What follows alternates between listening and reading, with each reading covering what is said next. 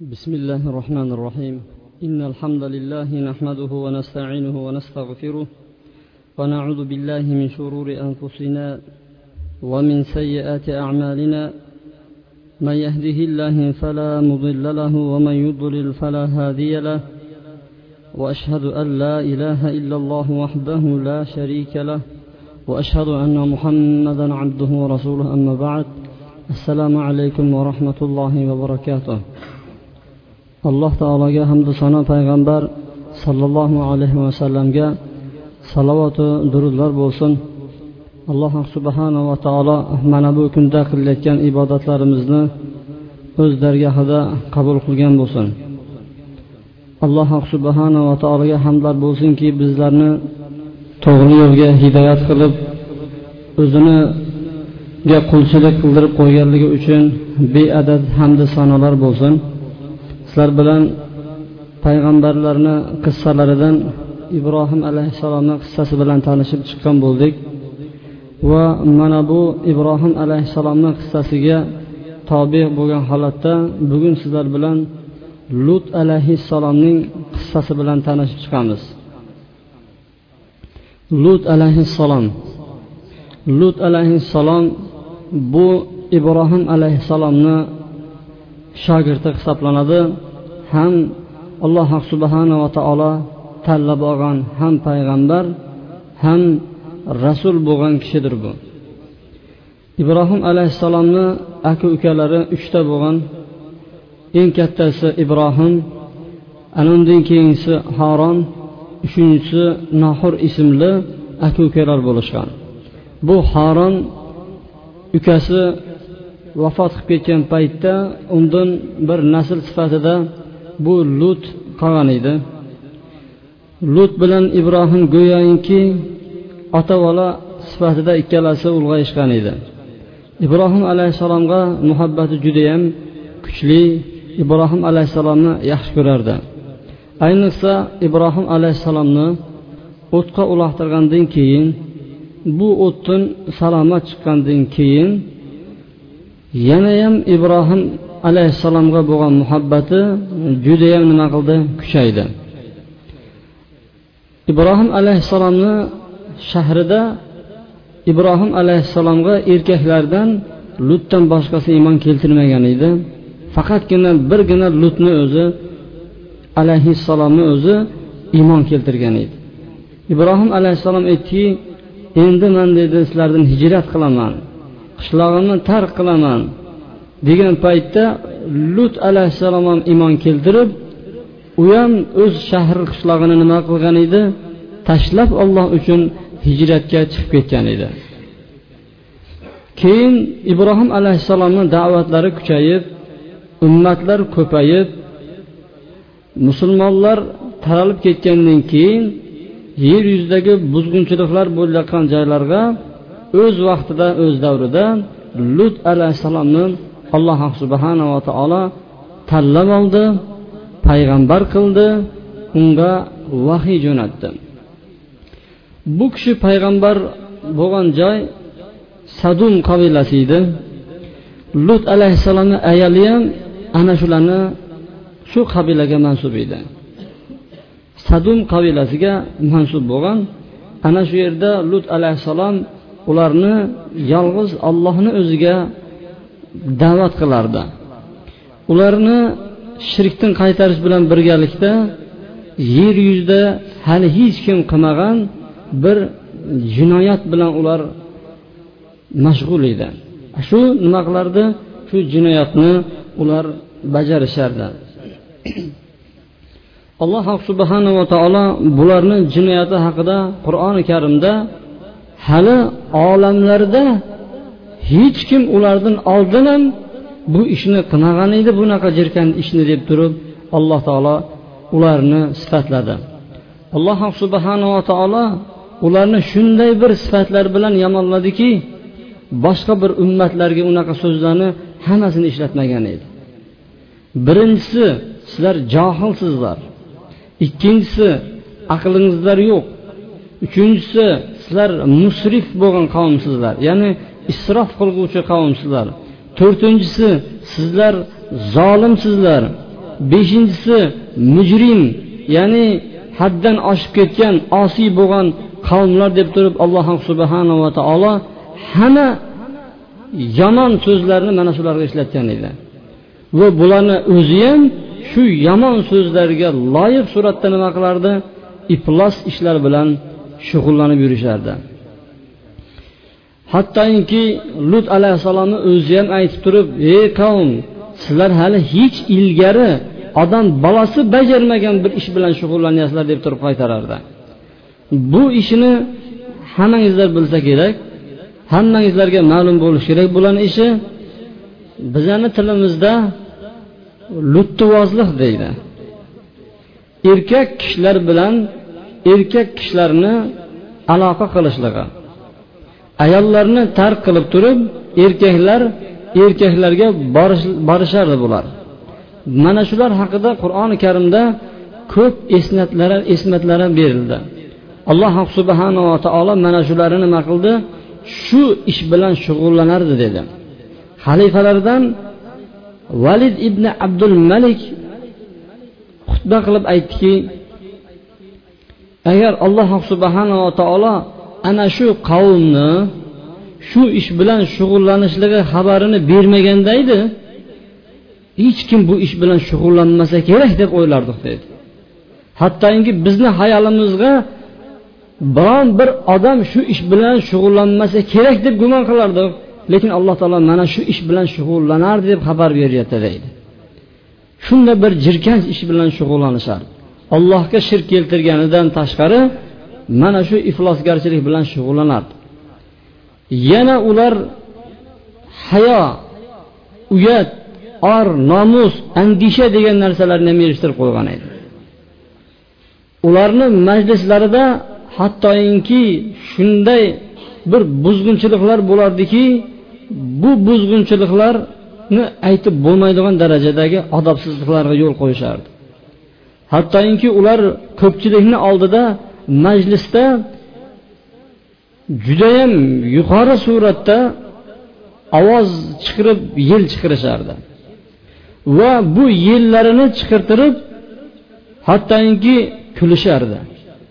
Mana bu ishlardan biron odam uyat or nomus nimaligini nimadir his qilmas edi.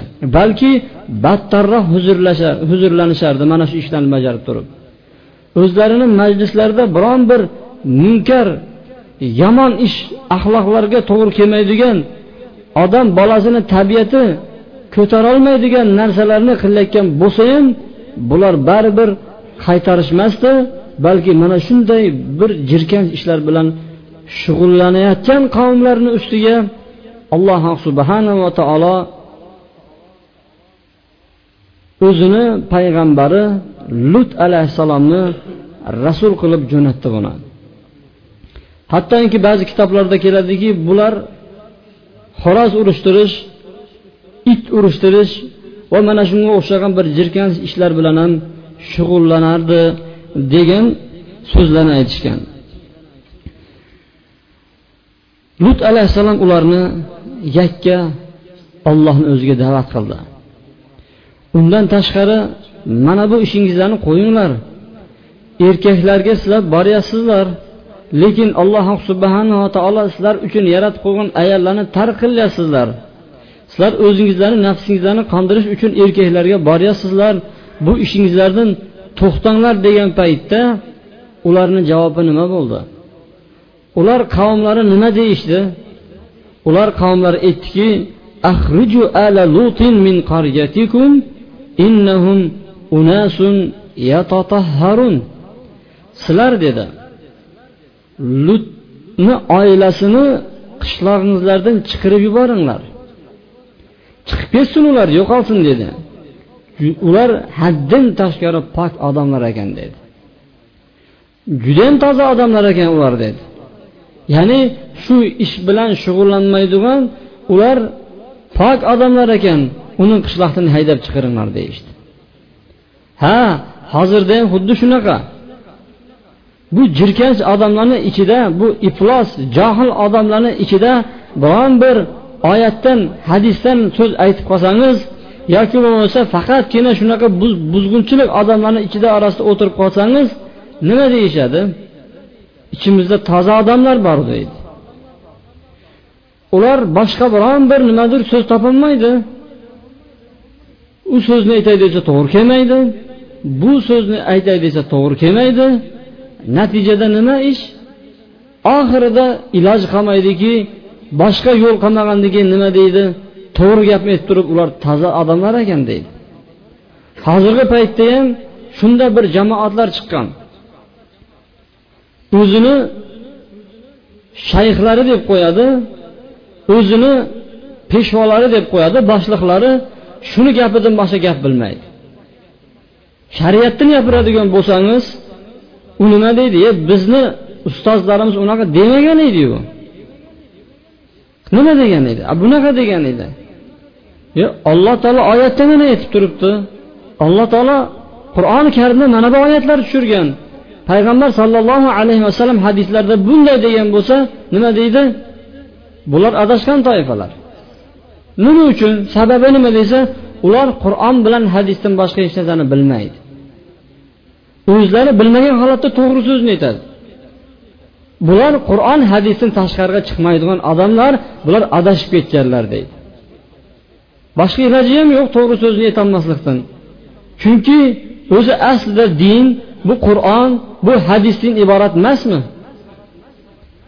Agar hozirgi paytda odamlarni shirk keltirishdan qaytaradigan bo'lsangiz ularni aytadigan so'zi nimadir? U fikrga suyangan yoki bo'lmasa ba'zi bir mayda chuyda kitobchalarga suyangan uni biron bir mahkama ham tekshirgan emas boshqa ham qilgan emas shuni olib kelib turib bizga hujjat qilmoqchi bo'ladi. Oyatlardan hadislardan to'liq o'qib beradigan bo'lsangiz bular baribir tushunmaydi. Bular oyat bilan hadisdan boshqa hech narsani bilmaydi. Ular adashganlar deyishadi. Bu gaplarini ham man xuddi shu lut alayhissalomni qavmiga o'xshataman. Lut alayhissalomni umuman aybini topolmadi. Izlab ko'rishdi yoq qildi bu yoq qildi bo'lmagandan keyin nima dedi? Ular judayam haddan tashqari pokiza odamlar ekan. Ularni nimadir qishloqlaringizdan haydab chiqaringlar deyishdi. Oxirida bu da'vatni lut alayhissalom qo'ymadi. Da'vatda davom etgandan keyin san bizlarga azob keladi deyapsan azob bilan qo'rqitib yotsan endi rost bo'lsang apka azobingni dedi. Qani ko'raylik bizlar ham dedi apka mana shu azoblaringni dedi. Shunda alloh subhanava taolodan yordam so'rab turib allohga duo qildi. Va alloh subhanava taolo mana bu mujrim qavmlarni jazolashlik bilan nima qildi? Bularga yakun yasadi.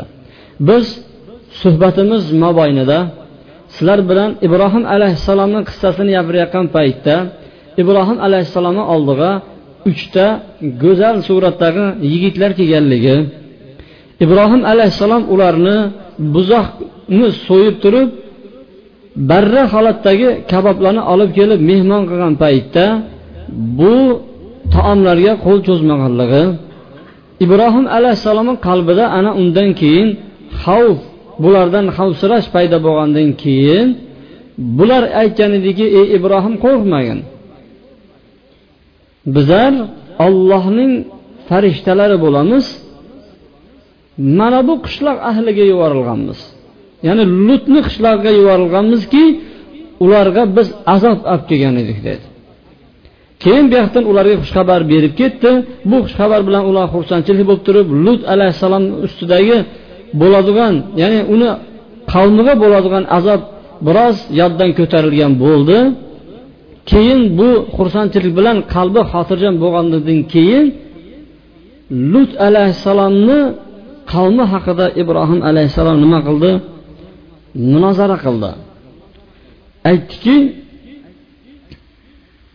فلما ذهب عن إبراهيم الرمع وجاءته البشرى يجادلنا في قوم لوط ibrohim alayhissalomdan keyin undan xavf xatar qo'rquv ketgandan keyin xursandchilik ustida nima qildi? Lutni qavmi ustida bahs qildi bizlar bilan munozara qildi dedi. Inna ibrohima la halimun avvahun munib. Ibrohim alayhissalom halim avvah va munib bo'lgan zotdir dedi alloh taolo. Halim deganni bilamiz judayam yumshoq fe'l sifatli odam. Judayam ichi nimadir rahmi keladigan inson halim degan. Ibrohim alayhissalom shunaqa kishi edi. Alloh degani biron bir ishni nojo'ya ishni ko'rgan paytda oh tortadigan odam aytadi. Oh tortadigan odamni otini alloh deydi. Ya'ni ibrohim alayhissalom judayam ko'p o'kinardiki mana bu qavmlarni qo'ysangizlarchi balki iymon keltirib qo'yar deb turib ah tortadi va munib allohga ko'p tavba qilib qaytadigan odamni otini munib deydi. Shu ibrohim alayhissalomda uchta sifat bor edi bu ibodat turlari hisoblanadi. Bandalarga yer yuzidagi xalqlarga yumshoq bel bo'lishlik ularni qilayotgan jirkanch ishlariga erta kundagi do'zaxda o'tin bo'lishiga ah oh tortishlik hamda alloh subhanava taoloni diniga tavba qilib qaytishlik bu ibodat turlaridan bo'lardi ibrohim alayhissalomda mana shu sifatlar bor edi. Farishtalar aytdiki ya ibrohim a'lid an hada innahu qad jaa amru robbik ey ibrohim dedi. Yuz o'gir bu ishingdan dedi. Robbingni farmoni kelib bo'ldi. Azob ularga kelishlik haqidagi farmoni kelib bo'ldi. Bitdi bu. Endi ularga hech qachon qaytarilmaydigan nimadir azob keldi. Hech kim qaytarolmaydi. Buni gaplashib turib u tomon bu tomonga hech kim surolmaydi. Bu haqidagi farmon robbim tomonidan kelib bo'ldi. San endi bu gap bilan bizlar bilan nimadir talashib tartishib o'tirmag'in dedi. Shunda ibrohim alayhissalom aytgan ediki agar ularni ichida uch yuz mo'min bo'lsachi shunda ham azob olib kelasin deganda yo'q deyishdi. Ikki yuztachi deganda olib kelmaymiz azob dedi. Qirqtachi deganda yo'q dedi. O'n to'rttachi deganda yo'q dedi. Bitta mo'min bo'lsachi deganda unda ham olib kelmaymiz dedi. Agar ularni ichida bir mo'min bo'lsa ham dedi azob olib kelmas edik bizlar dedi.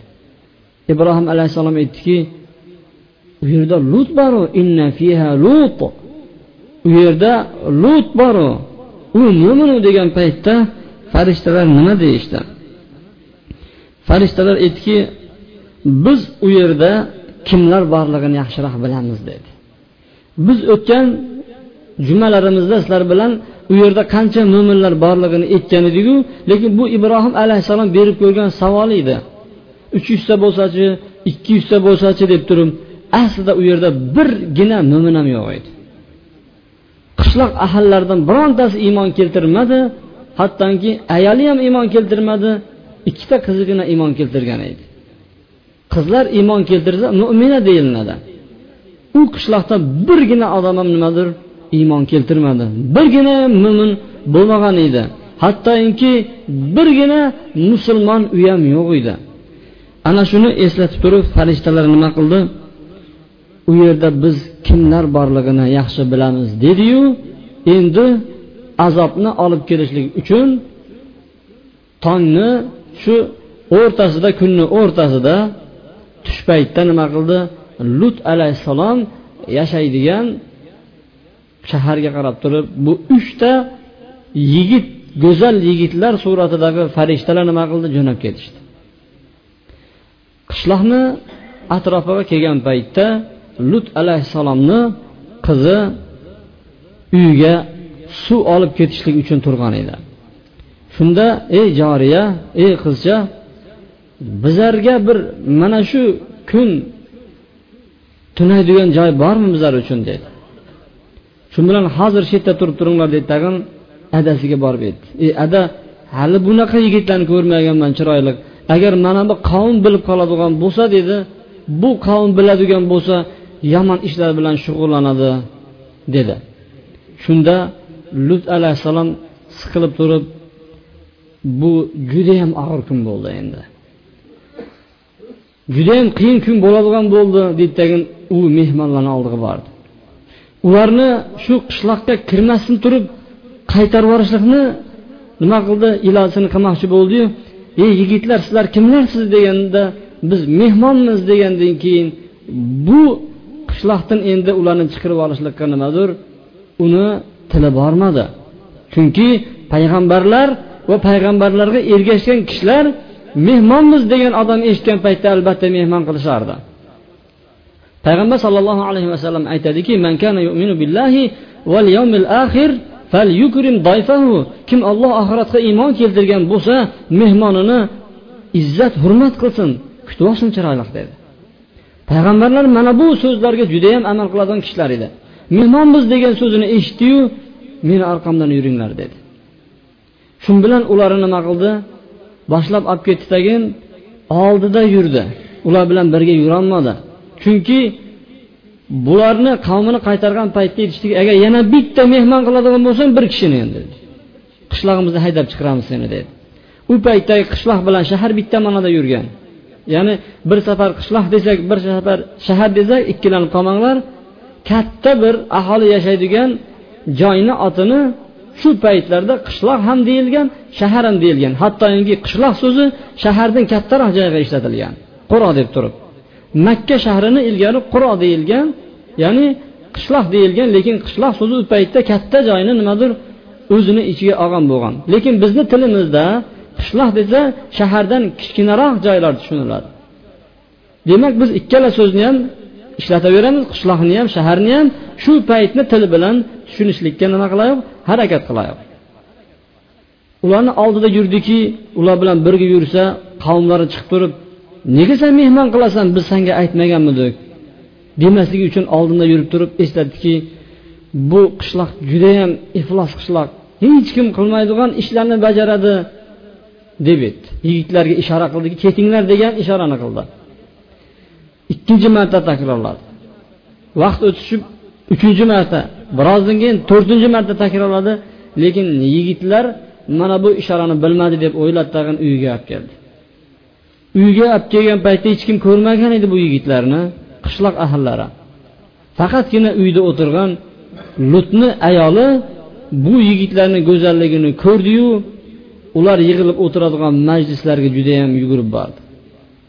Aytdiki bizni uyimizga judayam bir go'zal hali unaqasi bo'lmagan chiroyli ana shu yigitlarga to'xtab qolgan bir yigitlar keldi dedi. Chiroylar hammasi shunda dedi. Shunda o'tirgan joylarda shoshib qolishdi. Judayam zo'r yigitlar kelibdi chiroyli yigitlar kelibdi. Endi ular bilan birga bo'lamiz. Ya'ni sizlarga bilan boshida aytib o'tgandek luttivozlik bilan erkak bilan erkaklar aloqa qilish ishi bilan shug'ullanardi ayollar bilan ayollar yotardi erkaklar bilan erkaklar yotardi. Erkaklarni ayollarda ishi bo'lmas edi ayollarni erkaklarda ishi bo'lmas edi mana shunaqa jirkanch ish bilan shug'ullanishardi. Bo'lib ham bu chiroyli yigitlarni eshitgandan keyin shu majlisda o'tirganlarni hammasi yugurib yelib lutni alayhissalomni uyi tomon shoshib qolishdi xursand bo'lganligidan. Shunda ular kelib turib eshikni taqillatishdi. Ichkarida lut alayhissalom turardi tashqarida qishloq ahillarini eng iflos eng buzuq eng yaramas eng jirkanch odamlar turardi. Shunda aytdiki lut alayhissalom hunna banati haulai banati hunna atharu lakum ana bu qishloqni qizlari ana nikohlab olaversangizlarchi u sizlar uchun halolu dedi.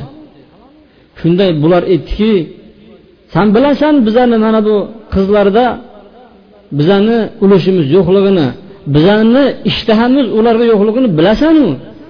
Bizlardan nima talab qilayotganini ya'ni biz erkaklarni istab yuribmiz shuni talab qilishni bilardingu dedi. Shunda aytdiki biz senga ogohlantirish bermaganmidik. Biron bir odamni nimadir mehmon qilmaysan degan gaplarni senga aytmaganmidik shu bilan eshikni tortishdi. Bu itarib turardi. Ular bu yoqdan nima qilardi itarishardi eshikni u yoq bu yoq turib mana shunday nima qilardi tortishuv bo'lib turgan paytda lut alayhissalom ah oh tortirib turib aytdiki qaniydi man endi? dedi bir kuchli bir yigit bo'lsamda. Yoki bir kuchli bir manbaga suyangan bo'lganimda dedi. O'zimni kuchim bo'lganimda edi hozir nima qilishimni o'zim bilardim. Yoki dedi kuchli bir manbaga bir asosga tayanchga suyanganimda edi o'zim nima qilishimni bilardim dedi. Payg'ambar sollallohu alayhi vasallam aytadiki alloh taolo lutni o'z rahmatiga olsin u judayam kuchli tayanchga suyanib turgan edi. Bu tayanch alloh taolo edi deydi lekin lut alayhissalom shuni bilmadi tagin mana shu gapni aytdi degan ekan. Ha degan ekan shu paytda lut san judayam kuchli tayanchga suyanib turibsan bundan ortiq tayanchli kuch bo'lmaydi deb lut alayhissalomga dalda berishgan edi. Va lut alayhissalom judayam siqildi. Yuraklar judayam qattiq qisildiki endi bu mehmonlarimni oldida men sharmanda qilmanglar dedi. Meni uyaltirmanglarchi iltimos qilaman sizlarni deb turib bular u tomon ular bu tomon daf qilib turgan paytlarida jabroil alayhissalom chiqdi. Ya'ni uchta yigitni bittasi jabroil alayhissalom ikkinchisi isrofil uchinchisi mekail alayhissalomlar edi uchalalari ham yigitlar go'zal yigitlarni suratida kirib kelishgan edi jabroil alayhissalom chiqdiki lut bo'ldi to'xtat dedi. Biz alloh subhanava taoloni elchilari bo'lamiz mana shu farishtalarga mana shu mujrim qavmlarga musrif isrof qiluvchi qavmlarga yuborilgan ollohni elchilari bo'lamiz. Eshikni och dedi alloh subhanava taolo bu uchta farishtani yuborgan paytda aytgan ediki payg'ambarini o'zi uch marta guvohlik bermaguncha sizlar azobga bormanglar degan edi. Payg'ambari lut alayhissalom aytdiki haligi uchta yigitga bu yigit bu qishloqni qavmlari judayam iflos. Yer yuzida hali ulardan ilgari bunaqa ishni hech kim qilmagan edi. Shunaqa bir yigitlarni oldida turibsizlar deb turib uch marta aytgandan keyin jabroil alayhissalom chiqqan ekan. Hamma qavmni farishtalarni azob berishga kelgan paytda o'zini payg'ambari bularga azob berishligi keraklik haqida guvoh bermaguncha farishtalar azob bergan emas. Guvohligini olgandan keyin jabroil alayhissalom eshikdan chiqdi tag'in shu iflos ishni qilaman deb yurgan odamlarni yuziga qanoti bilan urgan edi. Basharalari tekislanib ketdi. Ko'rmay qoldi. Ko'z degan narsa yo'q bo'lib ketdi. Hattoki shularni ichidagi tirik qolganlari devorlarni paypaslab turib ushlab ushlab u yer bu yerlarni uyga qaytishdi. Shunda lut alayhissalomga aytdiki ey lut dedi. San o'zingga oilangni olda dedi. Orqangga qarama dedi. Tezroq chiqib ketib ketdin ertalab dedi. Ertalab dedi. Bularga azob yetib keladi dedi. Bu iflos qavmga ertalab dedi allohni azobi keladi dedi. Bundan dedi endi san tezroq ahling oldiga ket dedi. Faqatgina dedi ayoling qoladi dedi.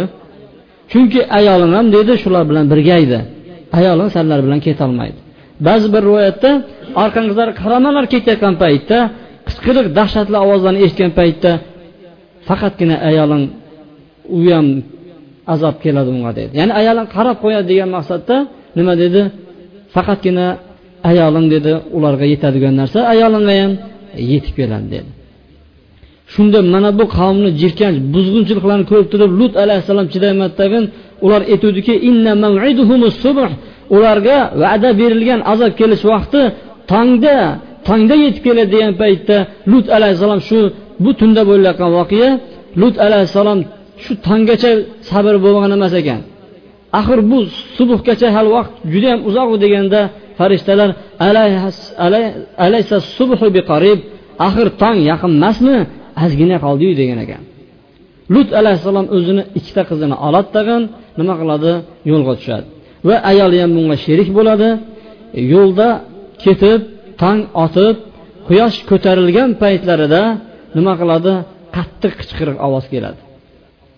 Qichqiriq ovozni kelgan paytda lut alayhissalom bilan qizlari orqasiga burilmaslikqa buyurilgan ediki ayol qarab qo'ygan paytda osmondan bunga ham nima qiladi? Tosh kelib turib miyasini qattig'ini chiqarib qo'yadi. Da buni ham nima qiladi? Ayolini ham halok qiladi. Mana shunday alloh subhanava taolo bularni qavmiga halokatni yuborgan edi. Bu halokatni yuborganlik haqida inshaalloh xutbamiz asnosida aytib o'tamiz alloh subhanava taolo hammamizga ham iflos ishlar bilan shug'ullanishdan o'zi uzoq qilsin alloh taolo. Bizlarni xalqlarimizni mana bunday jirkanch ishlardan alloh taolo olis qilsin. Alloh subhanava taolo faxsh ishlarni ochig'iyu yashiriniyu botiniyu hammaga ma'lumiyu hech kimga bilinmaydigan tomonlaridan alloh taolo hammamizni ham uzoq qilsin o'zi. Alloh taolo o'zi bizlarni poklasin. Alloh subhanava taolo pokiza hovlisida jannatu naimlarda bizlarni o'zi mehmon qilsin. Subhanaka allohumma bihamdik. Ashhadu an la ilaha illa anta astag'firuka va atubu ilayk. Bi rahmatika ya arhamar rohimin.